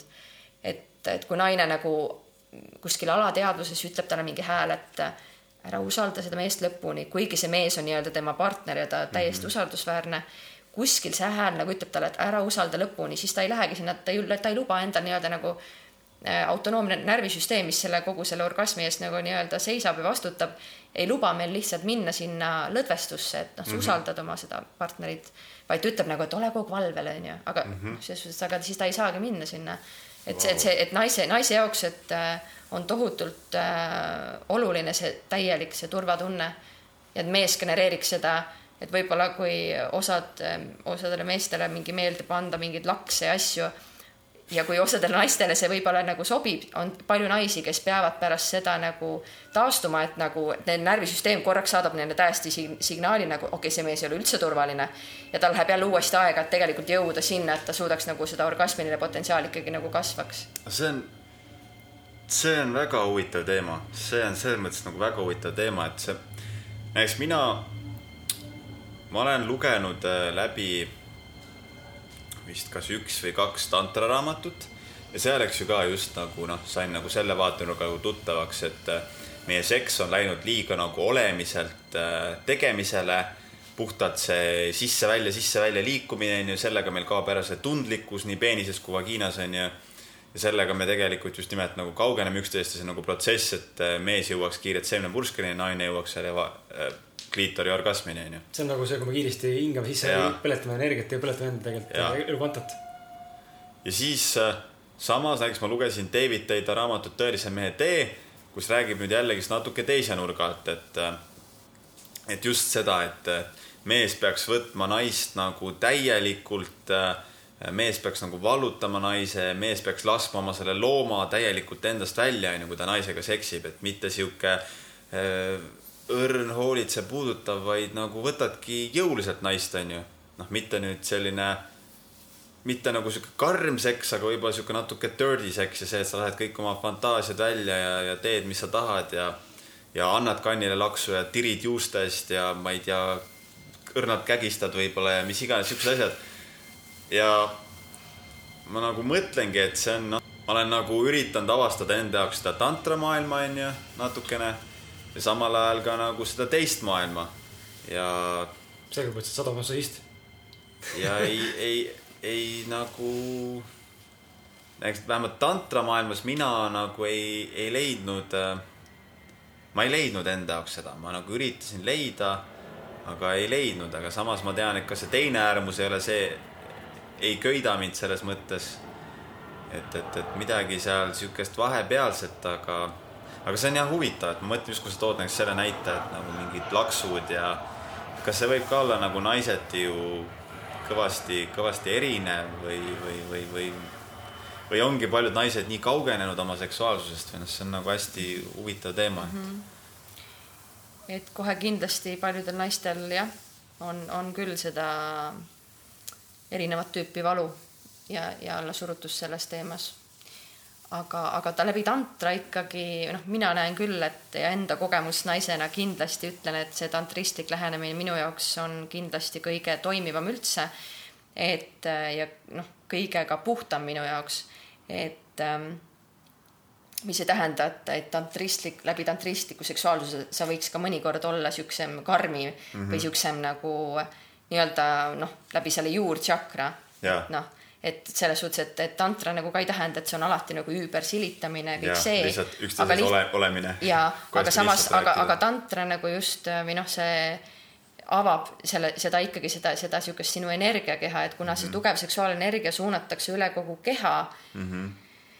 siis ähm, ja hakatakse nagu seda kehatunnetust äh, arendama sellele nii-öelda energia tajumisele, siis ähm, noh, siis noh, eesmärk on ka samuti vähemasti selle suunaga tantras, mis mina olen, on kogeda ka üle kogu keha orgasme mm, -hmm. mis, mis on väga-väga nagu võimsad kogemused ja, ja et tõesti, et praktiseerida just seda olemist mm, -hmm. et, mhm. et üksteise väljas olemist, et, et kui see tundlikkus nii-öelda ka nagu naises kasvab ja mehes samuti tegelikult mm, -hmm. siis, äh, siis, siis see kõik ei pea ol-, ei pea üldse olema, et see, et miks seks ongi nagu nii kiire ja selline, ongi see, et inimesed ei suuda tolereerida oma kehas naudingu energiat ja väga lühikest aega ja siis ongi juba kõik. ja okay., ja samuti see, et peab nii kiiresti kõike seda nagu tegema, see ongi see, et see näitab meie tundetust nii-öelda. Et kui me genereerime tundlikkust, me ei tunne ja siis me eriti. nagu rohkem, rohkem, kiiremini, no kiiremini. ja naine, ja naine samuti nagu... ei tunne, sest tal on samas siin trauma ja ta ei tunne, aga kui naine vabastab selle piirkonna ja, ja see piirkond ärkab ellu, seal hakkab uuesti energia ja veri liikuma, siis ta, ta on nii tohutult tundlik, et ähm, noh, see orgasmiline potentsiaal lihtsalt nii palju nagu areneb, selleks ei pea mitte midagi nagu otseselt isegi tegema, vaid äh, see kõik juhtub niivõrd äh, nagu väga nii-öelda kiiresti või noh, selles suhtes mitte kiiresti, vaid hästi ol, lihtsalt olemisest mm., läbi selles üksteise energia väljas olemisest mm, -hmm. sest et kui need mehel ja naisel on väga hea polaarsus mm, -hmm. siis juba kui inimene, kes on tegelenud enda energiakeha nii-öelda avamisega, siis juba see inimene istub ta lähedusest mm, -hmm. hakkab juba nagu, et noh, ta juba, naisel juba see piirkond nagu aktiveerub ja ta saadab mm. nagu infot jah, et naisele ja noh, naisel on väga oluline see ol, olla seotud selle piirkonnaga mm, -hmm. et, et mina, mina kindlasti, minu kindlasti niisugune vaimne tee on, on seotud läbi minu keha, läbi minu naise keha, mis võimaldab mulle väga palju äh, selliseid äh, juba ühe kuu lõikes on ju, naine kogeb erinevaid äh, menstruatsiooni, ovulatsiooni, need on kõik äh, võimalused naisel.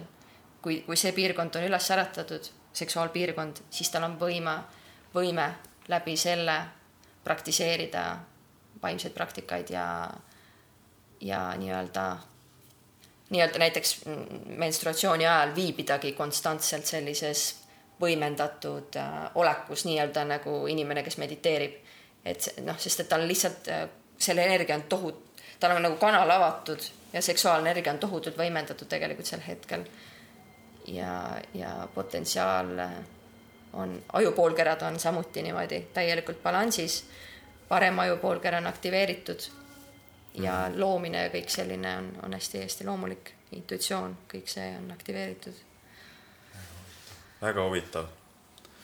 väga huvitavad on need teemad.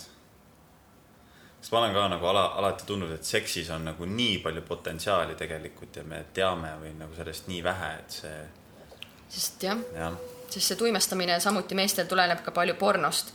et, et ma olengi nagu jälle samuti enda tuttavates samuti seda nagu uurinud. et äh, üldse nagu seda räägivad mehed, kes on, et, et nagu üldse, mis mõju on nagu avaldanud meestele see, kui nad vaatavad pornot ja siis see periood jälle, kui ei vaata. et tegelikult see periood, kui nagu pikalt on vaadatud, siis ongi selline, selline tundetus tegelikult, et, et ei teki nagu väga suuri tundeid naiste vastu. Ja samuti see puudutuse teema ja üldse oma kehast on tegelikult nagu disconnected, kuna sa kogu aeg vaatad nagu läbi noh, sa keskendud lihtsalt sellele välisele mm -hmm. kogu aeg ja tegelikult sa ei, sa ei ole üldse kehaga ühenduses. et, et see puudutus, et minu meelest jah, sellest, see on, see on tõesti oluline teema.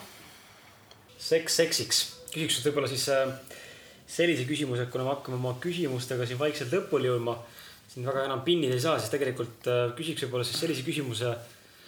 äkki sa oskad anda nõu või mingil määral soovitusi nii naistele kui meestele mm? -hmm. selles osas, et äh, loomulikult keegi meist kolmest siin ei ole suhteekspert, aga võib-olla mitte veel. Kätlin ilmselt on kõige, kõige, meist kõige lähimal selles võib-olla. aga, aga anda nagu nõu, et äh, niimoodi siis, et mida peaks tegema mees selleks ja naine selleks, et toetaks harmooniline suhe mm? -hmm. Kõigepealt ma kohe tooksin ühe sellise väga hea harjutuse, mida ma soovitaksin inimestele, et see on tegelikult imagoteraapia nagu harjutus. ja see harjutus põhineb sellel, et antakse üksteisele, võetakse hetk, näiteks äh, kord nädalas, kui antakse üksteisele tagasiside. et üks partner siis äh, ütleb, et et kui sa eile mulle süüa tegid või mulle süüa jätsid või ostsid, mida iganes, et sel hetkel ma tundsin, et ma olen, ma olen armastatud ja ma olen väärtustatud, ma olen märgatud ja partner võtab nii-öelda selle vastu. ja, ja samuti ka anda tagasiside mingitel hetkedel, kui, kui nii-öelda mingi asi tegi haiget. et äh, näiteks kui me, üks äh, partner siis jagab, et äh, et kui me eile tulime koju ja sa mulle ma tulin sealt nende suurte kottidega ja sa mul lasid mulle näiteks äh, nina ees ukse kinni, et, et sel hetkel ma tundsin, et ma ei ole märgatud, ma ei ole tähele pandud. ma ei ole armastatud. ja, ja selle asemel, et enamasti suhtes siis hakkab see teine partner nii-öelda, hakkab siis ennast kaitsma. aga selle asemel, et, et hakata ennast kuidagi õigustama või kaitsma, lihtsalt aktsepteerida, et see juhtus. ja et, et see, kui juba naise jaoks on tohutult oluline, et partner juba aktsepteerib seda, kuidas ta tunneb, et sel hetkel naine juba saab sellest hakata lahti laskma. aga seni hetkeni, kui partner teda ei mõista, ei aktsepteeri äh,, siis naine nagu, ta ei tunne ennast paremini. et see, seda, seda sellist praktikat ma väga soovitaks, väga soovitaks praktiseerida ja, ja vaadata, kuidas see mõjub.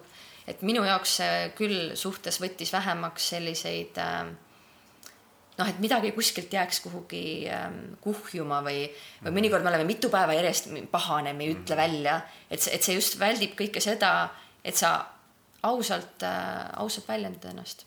põhimõtteliselt, kui meie saade on ka aususest ja ausad mehed, siis tegelikult jälle võime jõuda, eks ju, selleni, et kui ausalt väljendada enda rõõmu ja heameelt, ähm, teha siiraid komplimente, see on nagu väga tervendav ja lisab suhtele palju juurde, lähedust, lähedust mm juurde. samal ajal kui ka väga ausalt väljendada oma mingeid äh, ütleme noh, kui tõesti tunned, et saad haiget või tõesti solvud, et ka selliseid asju väljendada, et. ja, ja, ja loomulikult suhtes mees ja naine. Mees, naine kindlasti vajab sedasama tähelepanu, imetlust mehelt ja, ja, ja sedasama ühenduse tundmist, et, et kui silma vaatamine, et naine saab tegelikult noh, me tunneme seda sidet, kui me vaatame üksteisele pikalt silma. naine vajab, et ta saaks meest ka tunda seda puudutust, tunda, eh, nuusutada enda meest, et, et ta nagu noh, kallistada, et noh, naise jaoks see connection'i tunnetamine väga väike, isegi kui mees läheb kodust ära, ta vaatab hetkeks naisele otsa, mitte et ta läheb lihtsalt uksest välja. et, eh, et siuksed väiksed-väiksed asjad, mis on naise jaoks väga olulised ja mis hoiavad seda, et, et, et kindlasti see romantilisuse samuti hoidmine, et, et äh, et mitte ainult suhte alguses ma teen talle üllatusi, vaid läbivalt, et naist, naisele tohutult hästi mõjub see, kui mees toob talle üllatusena midagi, kutsub teda kuhugi, teeb talle ikkagi midagi niisugust uudset, et naine nagu tahab niisugust asja tegelikult väga mm. -hmm. ja, ja mehe puhul noh, sellest saate muidugi teie rohkem rääkida, aga ma olen märganud, et meestele ikkagi on tohutult oluline, et kui mees pingutab suhte nimel, et naine annab seda tunnustust vastu. Ja noh, nagu märkab, kui mees pingutab mis iganes valdkonnas. et, et kui naine jälle ei oska märgata, ei oska tunnustada ja, ja pigem kritiseerib, see jälle, see on see love draining, et me võtame noh, jälle liigume kaugemale üksteisest mm. et siuksed äh, lihtsad üksteise märkamised ja mõistmised, leppimised sellega, et partner noh, partner on, partner on meist erinev ja mees ja naine ongi, ongi, ongi olemuselt erinevad, et äh, lihtsalt leppida sellega, et me olemegi erinevad ja. märkamine ehk siis ka mingil määral võib-olla ka tänulikkuse veel näitamine. tänulikkus, absoluutselt ja, ja et me ei võtaks oma partnerit iseenesestmõistetavalt. et see on jälle see, mis ajaga kipub nagu tulema, et äh, aga, ja et me ei hakkaks nagu ja me, et me ei määratleks oma partnerit ära, et tegelikult me läbi elu õpime seda inimest tundma. aga, aga see kindlasti ei mõju suhtele hästi, kui me määratleme partner, partneri ära, et me teame, et ta on täpselt selline, selline, selline, selline ja selline, nii. et meil ei ole võimalik enam kuskilt avastada ju ja vaimustuda sellest inimesest, kui me ta ju juba kuhugi kasti nii-öelda ära määratleme mm. -hmm. et pidevalt püsida avatud sellele, et õppida midagi uut selle inimese kohta on kindlasti väga-väga oluline. väga lahe. jah, väga head pointid. Nonii. on sul, äh, Kätlin, endal äh, midagi sellist, mida sa tahad, tunned, et sa, mida me Martiniga ei puudutanud või milleni me ei jõudnud, mida sa tahaks kindlasti, kindlasti siin veel jagada, enne kui me siin saate purki tõmbame? et jah, mul, mul endal on tohutult oluline see, see, see ikkagi see naiste, naiste nii-öelda teema. kuidas ähm, noh, sest et noh, naised nagu kannatavad palju selle, selle tõttu, et naised üritavad olla kogu aeg nii-öelda nagu mehelikud, sellepärast et naiselikud kvaliteedid on nagu bussid, vaata.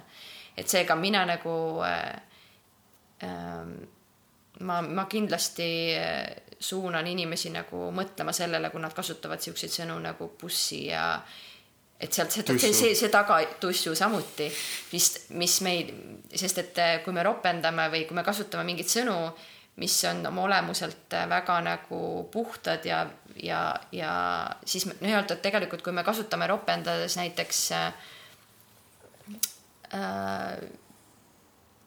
noh, neid, neid, neid väga pühasid nii-öelda elu edasi andvaid piirkondi, on ju siis tegelikult see juba võtab meilt nii-öelda seda võimalust nagu praktiseerida siis voodis ka midagi sügavamat.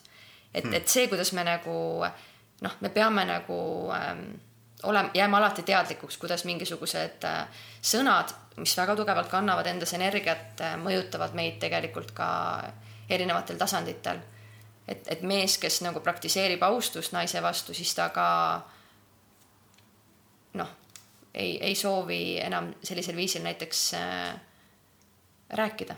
jah, võib-olla päris ei nõustu või nagu mulle endale tundub, et see on, see on nii tugevalt seotud sellega, et noh, sõna on lihtsalt mingi sõna, ma ei tea, vitt see on lihtsalt mingi häälikud on pandud üksteise järgi ritta. aga see kannab mingit tugevat energiat. jah, aga see minu meelest ongi, et kuidas, mis energiat see minu jaoks kannab, näiteks kui, kui minu, ütleme lapsest saati seoses selle sõnaga see energia seal taga on sihuke negatiivne ja mis iganes, siis, siis tõenäoliselt tõesti see mõjutab mind sügavalt. näiteks kui minu jaoks see oligi alati tühipaljas sõna, isegi pigem sihuke veidi naerma ajav ja siis noh, ma usun, et see nagu ei, see sõna kasutamine ei pruugi kuidagi negatiivselt mõjutada nagu minu, ma ei tea, seksuaalelu, aga ega ma ei tea, ma võin eksida. ma olen ka kahe, kahel leeril sellega, selles mõttes ma saan nagu aru, ma saan nagu aru sellest äh, millele Kätlin nagu vihjab ja millele ta viitab ja ma saan aru sellest iga, iga objekti sümboli, igasuguse märgi asjadega on signatuur ja signatuur kannab endas mingit energiat, aga. Aga need, iga sõna kannab seda energiat, et see kannab seda, kas seda austuse energiat või see kannab seda mingisugust häbistavat või midagi madaldavat või midagi nagu noh et mis tunde see meis nagu tekitab, et, et selles suhtes iga sõna kannab seda energiat ja. aga see vist ongi ka nii erinev, kuidas sa oled, kuidas sa oled sellega harjunud nagu seda enda jaoks tõlgendama seda. ja, aga see, ma ütlen, et ka kollektiivsel tasandil ja, on, on sellel ka mõju. kollektiivsel tasandil sellel kindlasti nagu negatiivne mõju, mitte positiivne. no vot, jah, jah. et selles mõttes ma olen ka nõus. Et, et noh, selles suhtes ongi, et kui naised, noh, naise, naisel ongi selles suhtes, et äh, see naine ongi nagu väga tundlik selle koha pealt, et tegelikult äh, näiteks kui naine viibib, äh, ütleme nii, et töötab äh, kuskil, kus tema ümber on mehed, kes nagu oma mõtetes kritiseerivad naisi või räägivad ka naist, naistest nagu ebaaustusväärsel viisil, siis naine tegelikult kogu aeg nagu sulgub ja, ja ta noh, sest et tegelikult ta nagu äh, jooni saadab talle kogu aeg äh, Vagiina. Vagiina saadab talle kogu aeg nagu sõnumit, et siin, siin ei ole turvaline olla, et need mehed võivad iga kell sulle midagi teha, vaata, mida nad mõtlevad naistest. et äh, ja, ja naine võib isegi nagu äh, koguda enda ümber kaitses näiteks ka kasvõi kehakaalu sellega, et noh, siis mul on turvalisem, siis ei taha ükski mees mul midagi nagu otseselt teha, onju. Et, et tegelikult, et ma ütlen, et naised on noh, tegelikult selle koha pealt nagu väga tundlikud ja, ja hästi-hästi-hästi oluline on, et naine ise hakkaks austama enda seksuaalpiirkonda ja et ta ei tolereeriks seda, kui, kui kuskil ümberringi on mehed, kes seda, kes seda ei austa. et kui, et, et, et noh, sellest hetkest alates, kui naine ise valib hakata austama enda menstruatsiooni äh,, kuupuhastust on ju, et ta noh, ta hakkab sellest hetkest tegelikult enda väesse nagu astuma, et, et ennem kui ta nii-öelda ise ka seda nagu nii-öelda maha teeb, et noh, ma ütlengi, kuna naiselikud kvaliteedid ei ole kollektiivselt ülihinnatud, siis naised ka proovivad olla nagu, nagu mehelikud selles suhtes ja, ja kõike või meestega võrdselt suuta teha. ja, ja aga, aga naise, naine, naine ei ole selles suhtes nagu lineaarne, et noh, naine on nagu üles-alla, tal on kuutsüklid erinevad ovulatsiooni ajal on ta tohutult võimekas, teeb kõik, kõik asjad ära, võtab endale sada projekti ja siis tal tuleb äh, näiteks kuupuhastus, kus ta on nagu palju rohkem endas ja ta ei taha inimesi nähagi, ta enda sees loob visioone, koondab energiat, on ju, kirjutab, luuletab, mida iganes ta teeb, loob, loov energia on temas nagu maksimum. et, äh, et, et, et see on hästi oluline, et naine hakkaks ise austama enda naiselikkust ja, ja samuti ka, kui naine valib ise austada naiselikkust siis ka mees austab teda, sest et noh, jälle seesama vibratsiooniline ühilduvus, et kui me, kui me ise ei austa ennast, naine, kes ise ei austa ennast, tõmbab oma ellu mehe, kes teda ka ei austa, naiselikkust. et, äh, et see on tohutult oluline, et naine hakkaks nägema enda keha kui midagi väga maagilist ja väga suurt potentsiaali endas kandvat ja samuti siis, et peegeldada seda. kui sa ei armasta ennast, siis, siis mm -hmm. miks peaks keegi teine sind armastama ja kui ja. sa ei suuda ennast aktsepteerida, siis miks peaks keegi teine sind aktsepteerima inimesena. et, et eks ta nii on ja paraku kõik saab alguse meist endast. Ega siin ei olegi midagi, meil on küsimused otsas Martiniga ja tegelikult on olnud, on olnud väga-väga huvitav jutuajamine. jah jah, võib-olla alguses natukene võttis aega, et saaks, saaksime kõik käima ennast. jah, mul oli kindlasti niimoodi. mingist hetkest läks nagu väga põnevaks. aga jah, suhted, võib-olla siia lõppu ütlekski veel seda, et julgustaks inimesi suhetes äh, olemagi rohkem julgemad ennast väljendada, kui, kui noh, osad inimesed arvavad, et kui suhtes on olemas armastus, et siis me läheme kõigest läbi aga inimesed võivad üksteist armastada, aga nad ei, lihtsalt ei pruugi kokku sobida. ja, ja nad ei pruugi kunagi suuta üksteist nagu lõpuni õnnelikuks teha. et, et, äh, et ma soovitan inimestel mitte olla koos lihtsalt sellepärast, et, et lihtsalt olla kellegagi koos, vaid, vaid äh, määrat-, teada, mis on sinu enda vajadused ja mitte tulla nagu kuidagi anda mhm. järgi sellest enda nii-öelda, mis sulle endal on nagu väga oluline suhte nimel siis nii-öelda. et mingisuguse turvalisuse nimel mm. -hmm. nõus. jah. tõmbame siis vaikselt otsad kokku ja, ja, ja aitäh, Kätlin, et sa tulid meie saatesse. Väga... oli, oli valmis jagama meiega seda seda naiselikku, naiselikku poolt ja naiselikku mõistmist. väga-väga huvitav rääkida, ma sain küll enda jaoks mitmeid mingeid uusi, uusi vaatenurki ja et lahe. aitäh, et kutsusite. jah, ja, ja nagu lõpetus ikka, mis on meie klassikaline, klassikaline palve, klassikaline palve on alati see, et kui sa leidsid tänasest saatest enda jaoks midagi sellist, mis pakkus sulle elulist väärtust ja mingeid uusi mõtteid ja, ja sealt tulenevalt ka uusi mingisuguseid selginemisi, siis ole hea ja jaga seda saadet ühe sõbraga. me ei palu Martiniga tervet sinu Facebooki liste ega Instagrami follower'ide järjekorda, vaid ainult üht inimest. olgu see sinu ema, isa, vanaema, parim sõber, parim õde, kes iganes veel, koer. pane, pane kasvõi oma koer kuulama et eh, jaga seda palun vähemalt ühe, ühe inimesega, ühe, ühe elus olendiga ja kellest, eh, kes võiks selles saates samuti mingisugust abi leida või mingisugust väärtust enda jaoks leida.